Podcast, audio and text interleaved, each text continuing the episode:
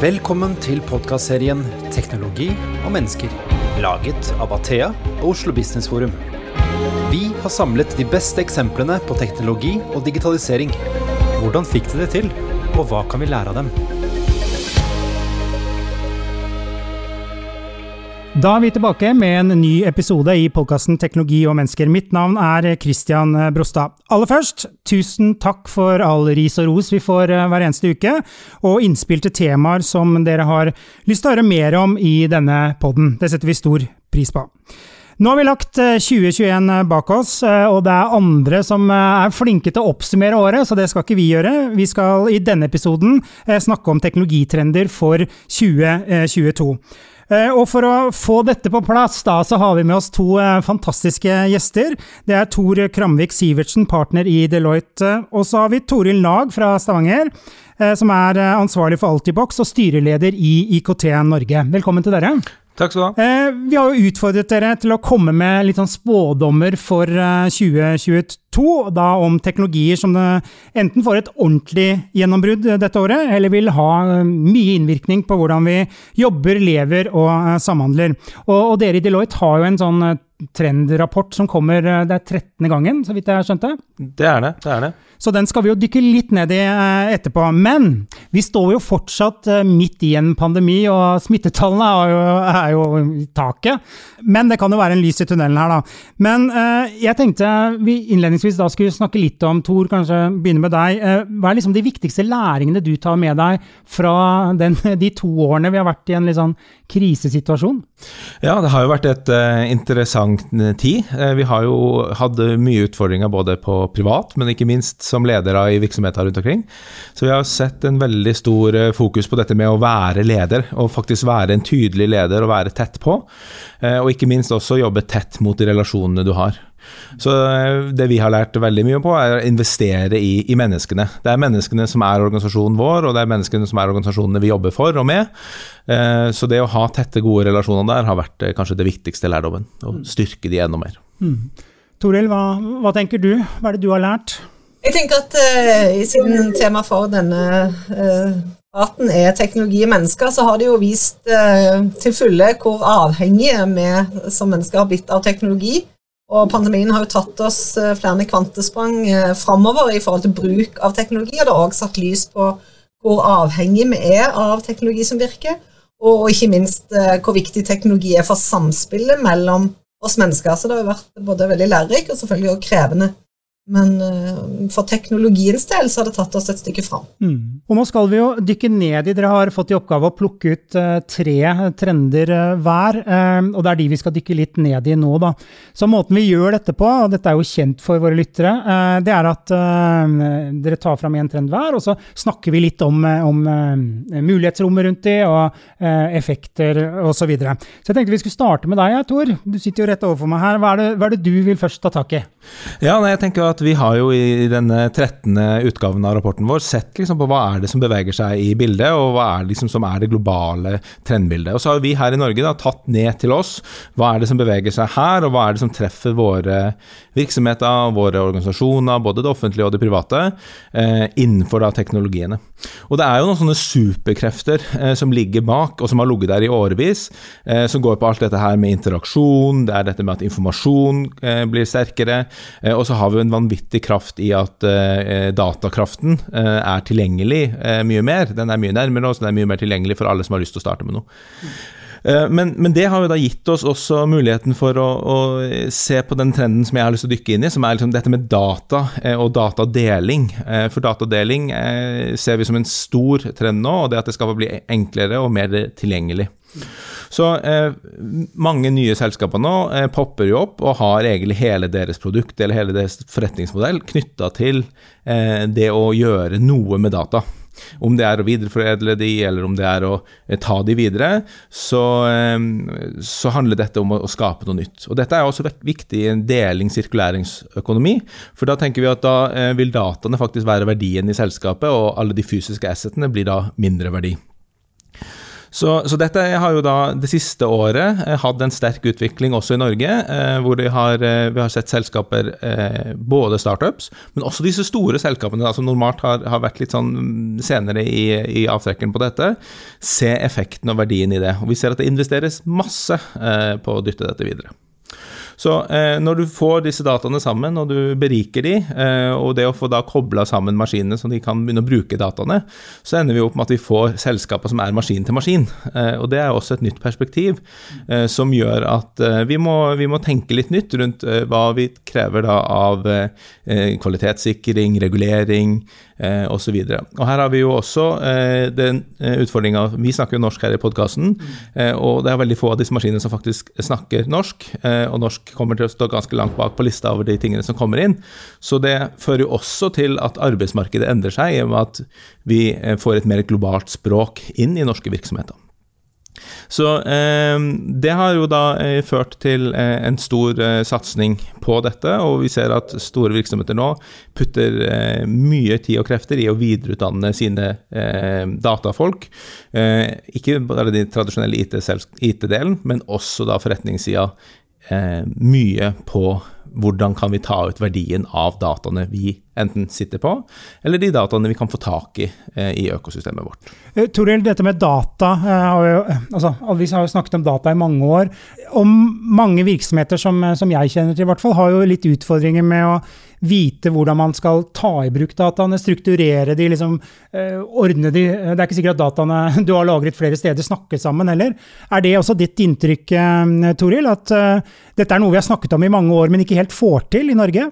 Eh, jeg er litt usikker på det. Jeg tror nok at selskapene i Norge begynner å bli flinkere og flinkere til det. Det er jo også store norske selskaper både innenfor telekom og media som begynner å bli flinke til å bruke data. Men Eh, jeg er med i eh, den regjeringsoppnevnte personvernkommisjonen, og et, en dimensjon knytta til bruk av data som vi ser mye på, er jo dette med personvern og sikkerhet, og lover og regler knytta til bruk av data. Og et domene som jo veldig mange sånne trendrapporter, bl.a. Eh, Deloitte sin òg, peker på, er jo eh, bruk av eh, nye teknologi innenfor helse.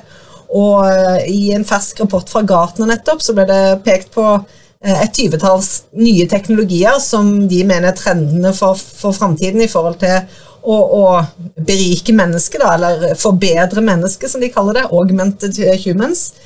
Og der er det jo en rekke problemstillinger knytta til tjenester som i utgangspunktet kan være bra for folk, men som òg representere representerer en sikkerhets- og personvern utfordring. Og Det tror jeg er en trend vi kommer til å se i 2022. At flere og flere kommer til å være opptatt av akkurat det skjæringspunktet mellom nytte og risiko som databruk eh, representerer. Mm. Mm. Og, og, En sånn sentralt element i det du nevner, Tor, er jo dette med samarbeid. Altså det å dele data eh, på tvers. Eh, hvor, hvor, vanskelig eller enkelt er det? Jeg tenker Hvis du jobber i en sektor, da, eh, og det å dele dataene sine med konkurrenter, det er jo en stor problemstilling. Dette er en megaproblemstilling eh, som diskuteres mye, både i juridiske fora, det diskuteres i eh, data governance-miljøer, det diskuteres i datakvalitetssikringsmiljøer, ikke minst i cybermiljøene. Eh, men så er det jo mange forretningsmuligheter rundt dette her. Eh, så til og med Konkurransetilsynet i Norge har jo nå meldt seg på i den dialogen, og, og driver og ser på hvordan er det man skal regulere dette her, for det kan jo fort ende opp med at det er konkurransevridende eh, effekter som oppstår. For det blir jo en slags økosystem ut av disse som samarbeider. Men på en annen side da, så står vi jo over Vi har vært igjennom pandemien. Den kommer til å prege oss en stund til. Eh, vi får håpe det ikke blir så lenge. Men det er ikke noe tvil om at den kraften som pandemien har vist, er jo at når det skjer noe virkelig stort, så må vi kraftsamle rundt og løse det. Og det neste eh, skiftet eller krisen vi skal eh, håndtere, er forhåpentligvis eh, at vi skal løse eh, klimaproblematikken på en god måte. Og da handler det mye om deling og eh, samarbeid. Så vi er nødt til å løse dette her med datadeling og dette med økosystemer på en god måte. Mm. Og Toril, det har jo vært, eh, har jo vært et regjeringsoppnevnt utvalg også som har sett på dette med samarbeid og datadeling. Skal offentlig sektor f.eks. være en, eh, en, datatilbyder i dette? Hva, hva gjør det i din sektor? Deler dere data med konkurrenter?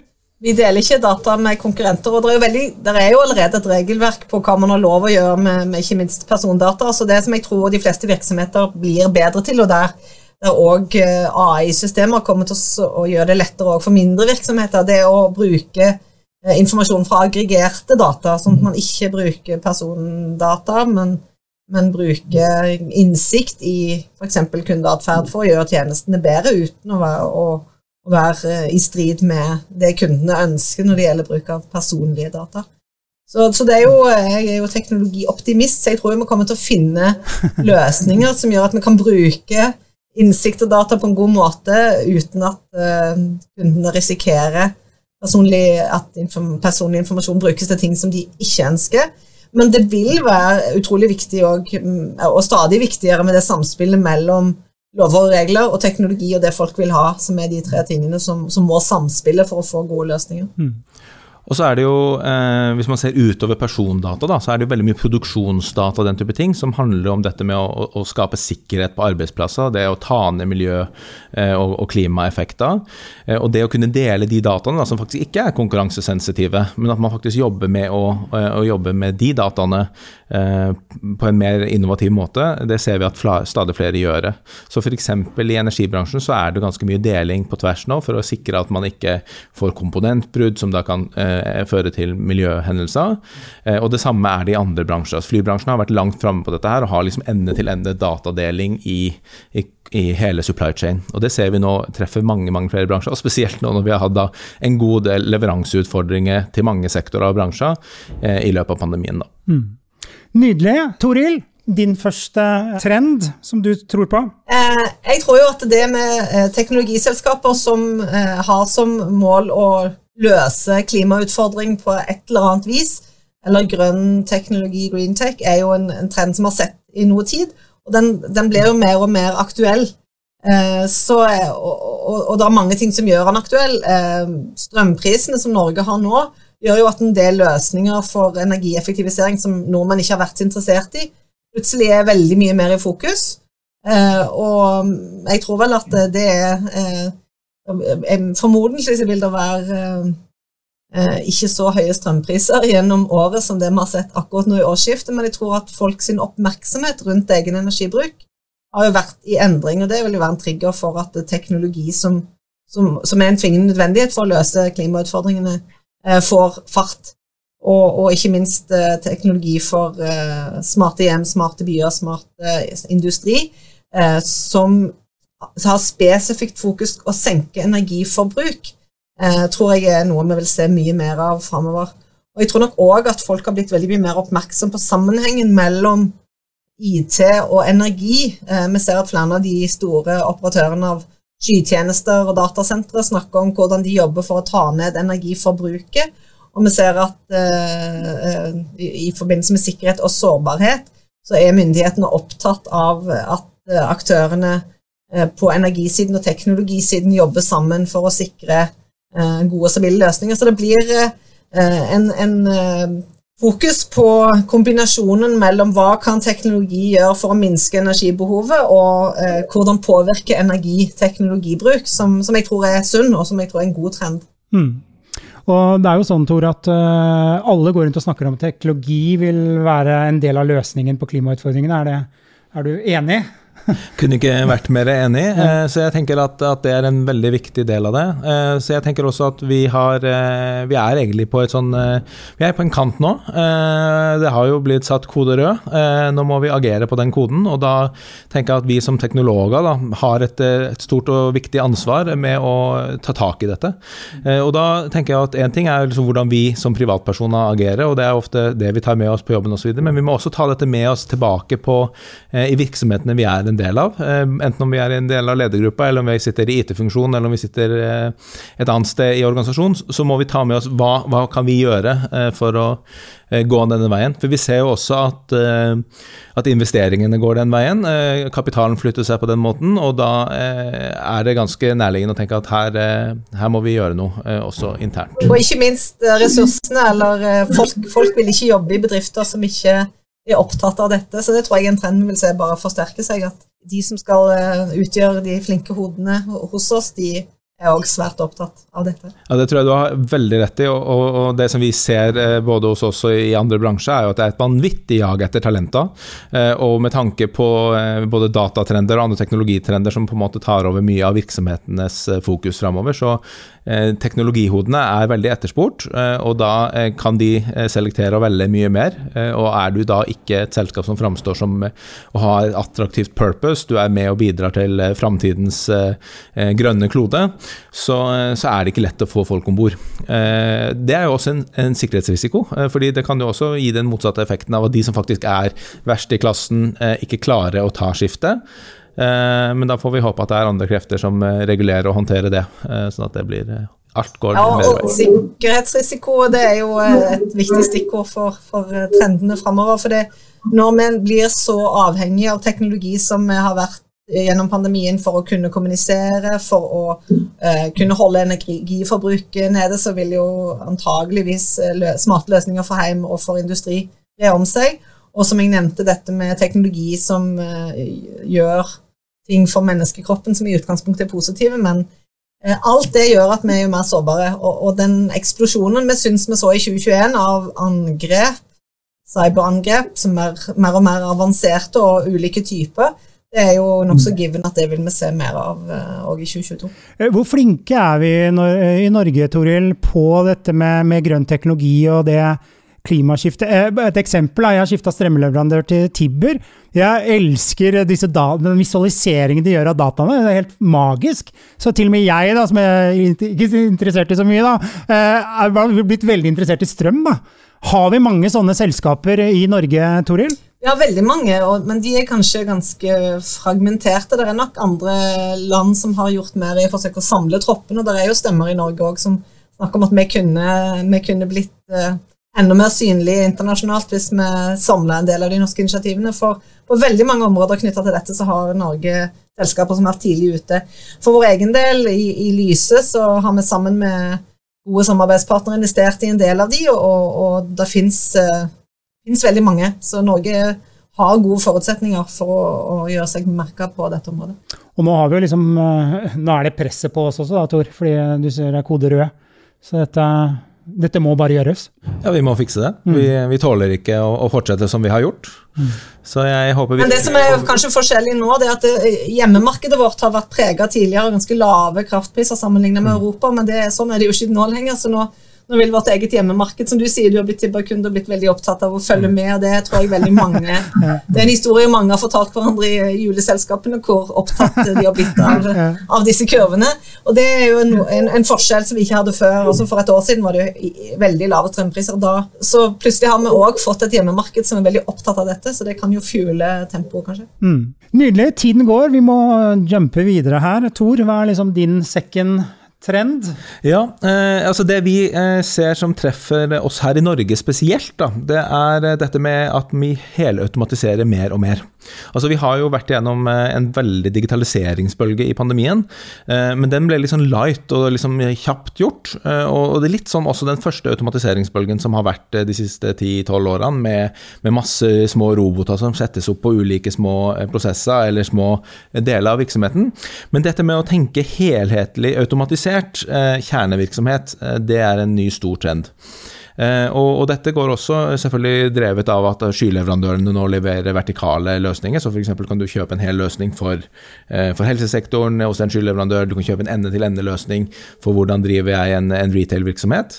Eh, men du kan også tenke dette her innad i IT-funksjon. fordi når du har outsourcet mye, du har fått på plass mye skyleverandører, mange ulike økosystemer rundt det, så er det veldig mye av, av de indre funksjonene i en virksomhet som rett og slett kan automatiseres bort.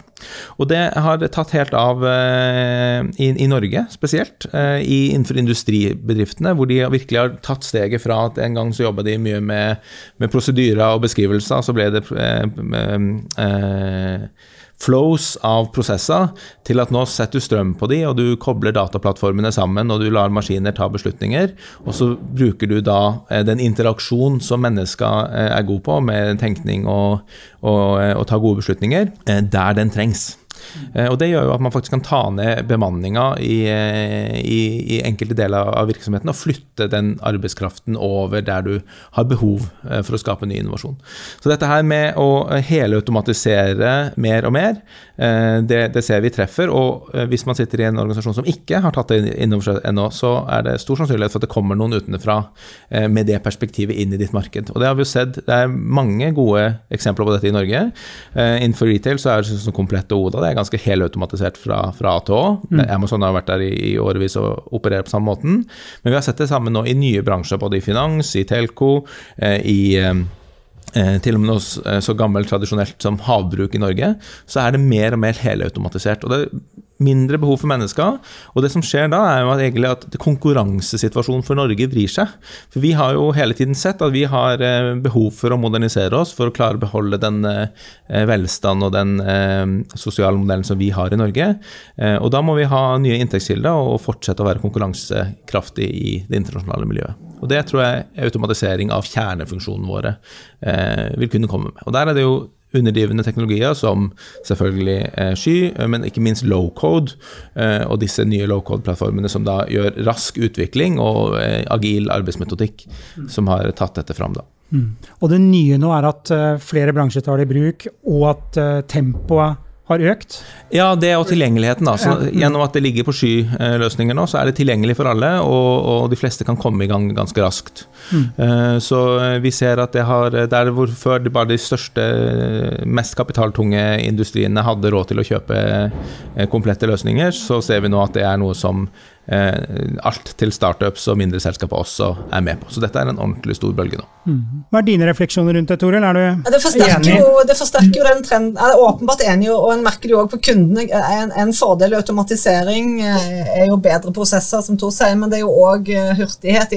For oss som leverer i massemarkedet, så er vi veldig avhengig av at ting kundene ønsker å få gjort, skal bli gjort raskt, og da er du avhengig av automatisering. Og de bedriftene som ikke tar det skrittet som får for mye manuelle prosesser. og Du merker det kanskje, jeg vet ikke hvor ivrig eh, du handler på nettet. Jeg er en veldig ivrig kjøper på nettet og er veldig eh, interessert i å se de ja, ulike løsningene. Sammen, eh, så jeg føler jeg gjør det mer som en, som som en plikt enn som en glede, naturligvis, for å mm. finne ut hvordan det henger sammen.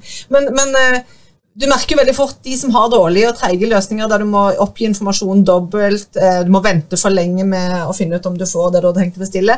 Da går du vekk med en gang. Tålmodigheten til kunden er veldig lav. Mm. Vi som, som forbrukere har veldig høye forventninger til automatiseringsgrad hos bedriftene som vi handler hos, og den vanen tar vi med oss på jobb òg.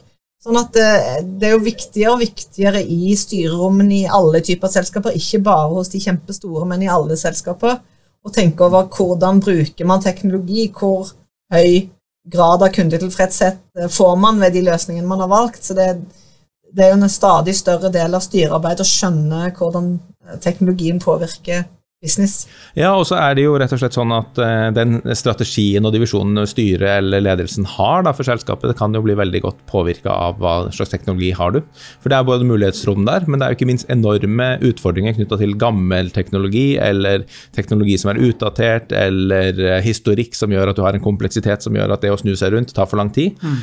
Uh, så det at, at faktisk styret og, og, ledelsen er bevisst dette her og, og agerer på det, blir, blir bare viktigere og viktigere. Og det er også med og driver da eh, fram mer standardiserte løsninger og, og går bort fra, fra mye custom-kode. Mm. Eh, vi opplever jo også da den supply chain som jeg var innom i tidligere, at det med datadeling da i en automatisert verden så får du da også maskiner og maskin-til-maskin-dialog eh, som gjør at beslutningen går enda raskere. og da tenker jeg at den opplevelsen som du beskrev der, Toril, med at du som forbruker blir irritert hvis du må, eh, eller eh, misfornøyd eller velge en annen tjeneste, hvis du må taste inn ting to ganger, eh, det at en sånn robottjeneste må jobbe dobbelt eller ikke fungere optimalt, da blir faktisk beslutningene feil. Eller kan ta risiko, økt risiko for virksomheten, og det tenker jeg også det er ekstremt viktig å være bevisst den biten. Nydelig. Eh, jeg vet ikke om noen hører boring. Jeg hører boring. Så da er det litt lydbilde her, da. Men eh, sånn er det. Toril, din neste trend? Ja, jeg hadde vel cybersecurity, cyber security, som jeg var inne på litt tidligere. Og ikke minst da bruk av AI for å få gode nok løsninger til å kunne operere uten å være for sårbar i forhold til angrep. Det er jo en trend som bare vil forsterke seg. Og igjen tilbake til det som jeg var inne på tidligere med å ha styrene på agendaen. Jeg tror jo at det vil være mer og mer nødvendig for, for selskapsstyrene å gå inn i hva betyr egentlig et dataangrep for virksomheten vår. Og hvordan er vi egentlig rigga for å håndtere det. Så, så jeg tror både at, at, vi kan bruke ny teknologi for å kunne forsvare oss, men òg at metodene kommer til å bli mer og mer avanserte, så vi vil se flere og flere selskaper som blir ramma mm. av cyberangrep, er dessverre en, en trend. Mm. Ja, for det har vært mye nå de siste månedene når vi leser mediene, eh, Tor? Ja, nå tror jeg til og med mannen i gata har begynt å få med seg at dette her er et, eh, et ordentlig eh, eh, fagfelt og tema i det norske samfunnet. Og vi ser jo at det er mange ulike aktører som prøver å, å, komme inn og påvirke oss. Mm. Som de siste ukene bare så har det vært både den frie presse og demokratiet som har vært under angrep, og så har det vært matproduksjon. Så det er absolutt et tema som vi må håndtere på en god måte. Mm. Men jeg syns det er spennende det du tar opp Toril, rundt eh, AI i dette her, og det har vi også sett mye på i den trenden. Sånn at, at cyber-AI er liksom det neste. fordi eh, når eh, de som angriper oss er maskiner, og de tar beslutninger raskt, og de er utrolig effektive og leter etter hull, eh, så må også Forsvaret eh, være AI og maskiner som opererer. fordi vi som mennesker klarer faktisk ikke å henge med på tempoet eh, dette går i. og her kan det jo være også veldig tett kobling opp mot en data og dette med personvern og etikk. For hvor mye data skal du lagre? Fordi du kan jo gjennom å overvåke all dialog i en virksomhet kanskje predikere hvor de svake punktene er, eller hvor mulige utfordringer kan oppstå. Eh, men det er jo ingen av oss som ønsker at vi skal gå dit og begynne å lagre alt. Mm. Og det er vel også sånn, eh, Toril, at eh, det svakeste punktet er jo stort sett menneskene. Da. Så mm. Uansett hvor mye teknologi vi stapper inn, så er det den mailen du får, eller den SMS-en du får, som gjør at du får aksess til systemene. Uh, kan, kan, teknologi hjelpe i hele tatt, eller? Eh, som du sier, mennesket vil være alltid et svakt punkt, men eh, teknologi kan jo hjelpe, og de, de, gode teknologiløsningene minner deg jo ofte òg om å ha ekstra sikkerhetsfaktorer på dine egne brukere i, på de tjenestene du bruker, sånn at hvis du skulle være uheldig, så har du muligheten til å, å begrense skaden. Mm. Men jeg tror jo òg at vi vil i dag, i dag, Det har jo vært eh, en del skrekkeksempler som annet eh, Forbrukertilsynet har løfta fram knytta til uh, hacking av og, uh, devices som vi bruker i det daglige. Ikke bare hacking av IT-systemene til store virksomheter, men hacking av si, Du har vel etter hvert både kjøleskaper og ovner og dukker og hva vet jeg på nettet ditt hjemme, mm. som, uh, som, barna dine bruker, og som du bruker, som kan hackes.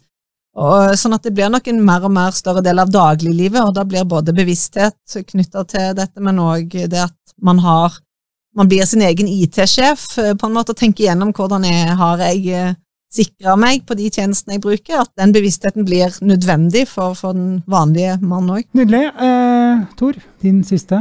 Min siste, ja. Um, jeg tenker jo at uh, Vi var jo innom mye spennende rundt Vi begynte å snakke om litt sånn devices og den type ting. Det tar vi også med inn på kontoret. Men jeg syns kanskje det, det, som er den sterkeste, mest sånn innovative trenden vi ser, da, det er kanskje liksom hvordan vi interagerer både med hverandre og, og litt sånn gjennom pandemien. Og så har vi også sett at det er blitt populært å gjerne sitte på hytta og jobbe, eller å, å sitte i andre landskap.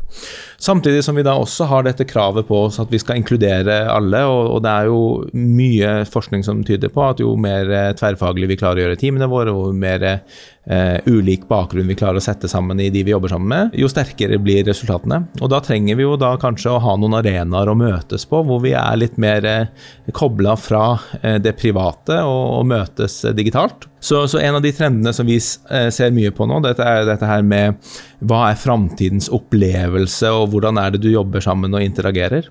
Og der har det jo vært veldig mye det siste rundt Metaverse og, og andre type litt sånn neste versjon av Second Life og gaming inn i industrien og den type ting. Mm. Jeg tror vi er på i, i, i, føders, føde, i støpeskjeen på det nå, og, og at det ikke er så langt unna at vi endelig kan faktisk møtes i virtuelle rom hvor vi kan være oss selv, og hvor vi kan stå og jobbe og interagere eh, på en helt ny måte. Så det, dette kommer. Eh, det er jo allerede tilgjengelig, det er bare ikke tilgjengelig for alle ennå. Mm. Eh, men jeg tror vi nærmer oss det mer og mer. Kanskje drevet av den der utprega lysten av å jobbe på hytta eh, som vi har i Norge. Mm. Metaverse, Toril, hva tenker du om det? Nei, jeg tenker at jeg tror ikke 2022 blir det året der veldig mange kommer til å få tak i Jeg antar de må ha en slags type briller for at du skal føle du virkelig er til stede der. Men det er jo interessant det at du allerede ser at folk uh, kjøper eiendom i Metaverse, og uh, jeg tror at uh, det virker jo som Eh, akkurat nå så virker det kanskje som nesten en joke når du hører om det, men det tror jeg ikke man, vi kommer til å synes når vi står her om et år. Mm. Ja, da vil det være både dette med non-fungible tokens og kjøp av uh, art uh, som uh, vi tidligere ville synes var egentlig ikke kunst, men som er digitalt, og som folk mm. betaler store penger for, eller en original tweet som går for skyhøye summer. Så, så synet vårt på den digitale verden tror jeg holder på å forandre seg, og det er jo en nødvendighet for å få til den virkeligheten som Tor beskriver, som jeg er enig i. Den kommer nok, at du får en mye mer tilstedeværende følelse av å møte andre som du egentlig er connecta med digitalt, men jeg tror mm. kanskje det ikke blir i 2022. Nei, jeg, jeg tenker også at, eh, at liksom den komplette eh, opplevelsen, den, den, får vi nok ikke i 2022. Men at dette her, altså den virtuelle og den fysiske verden møtes mer og mer, det tror jeg treffer mange bransjer, og det er i ferd med å treffe ganske mange bransjer allerede. Eh, reiseliv har jo blitt vanvittig hardt truffet eh, av pandemien, og de har snudd seg ganske mye rundt. Når de åpner opp igjen, så er det en helt annen integrert verden hvor hvor du da både gjennom apper og andre typer løsninger, da, digitale løsninger, faktisk kan oppleve ting. Og Vi har jo sett at også kulturlivet har måttet være kreativt. Så det er jo ofte de bransjene da som blir hardt utsatt, som må prøve noe nytt. Uh, og jeg for min egen del, eh, jeg er for så vidt glad i å reise, men jeg håper da inderlig at jeg slipper disse forretningsreisene på et kryss og tvers av byer og land. Det er fint på Vestlandet, men å dra over dit for en halvtimes møte og så tilbake igjen med fly, det er ikke bærekraftig.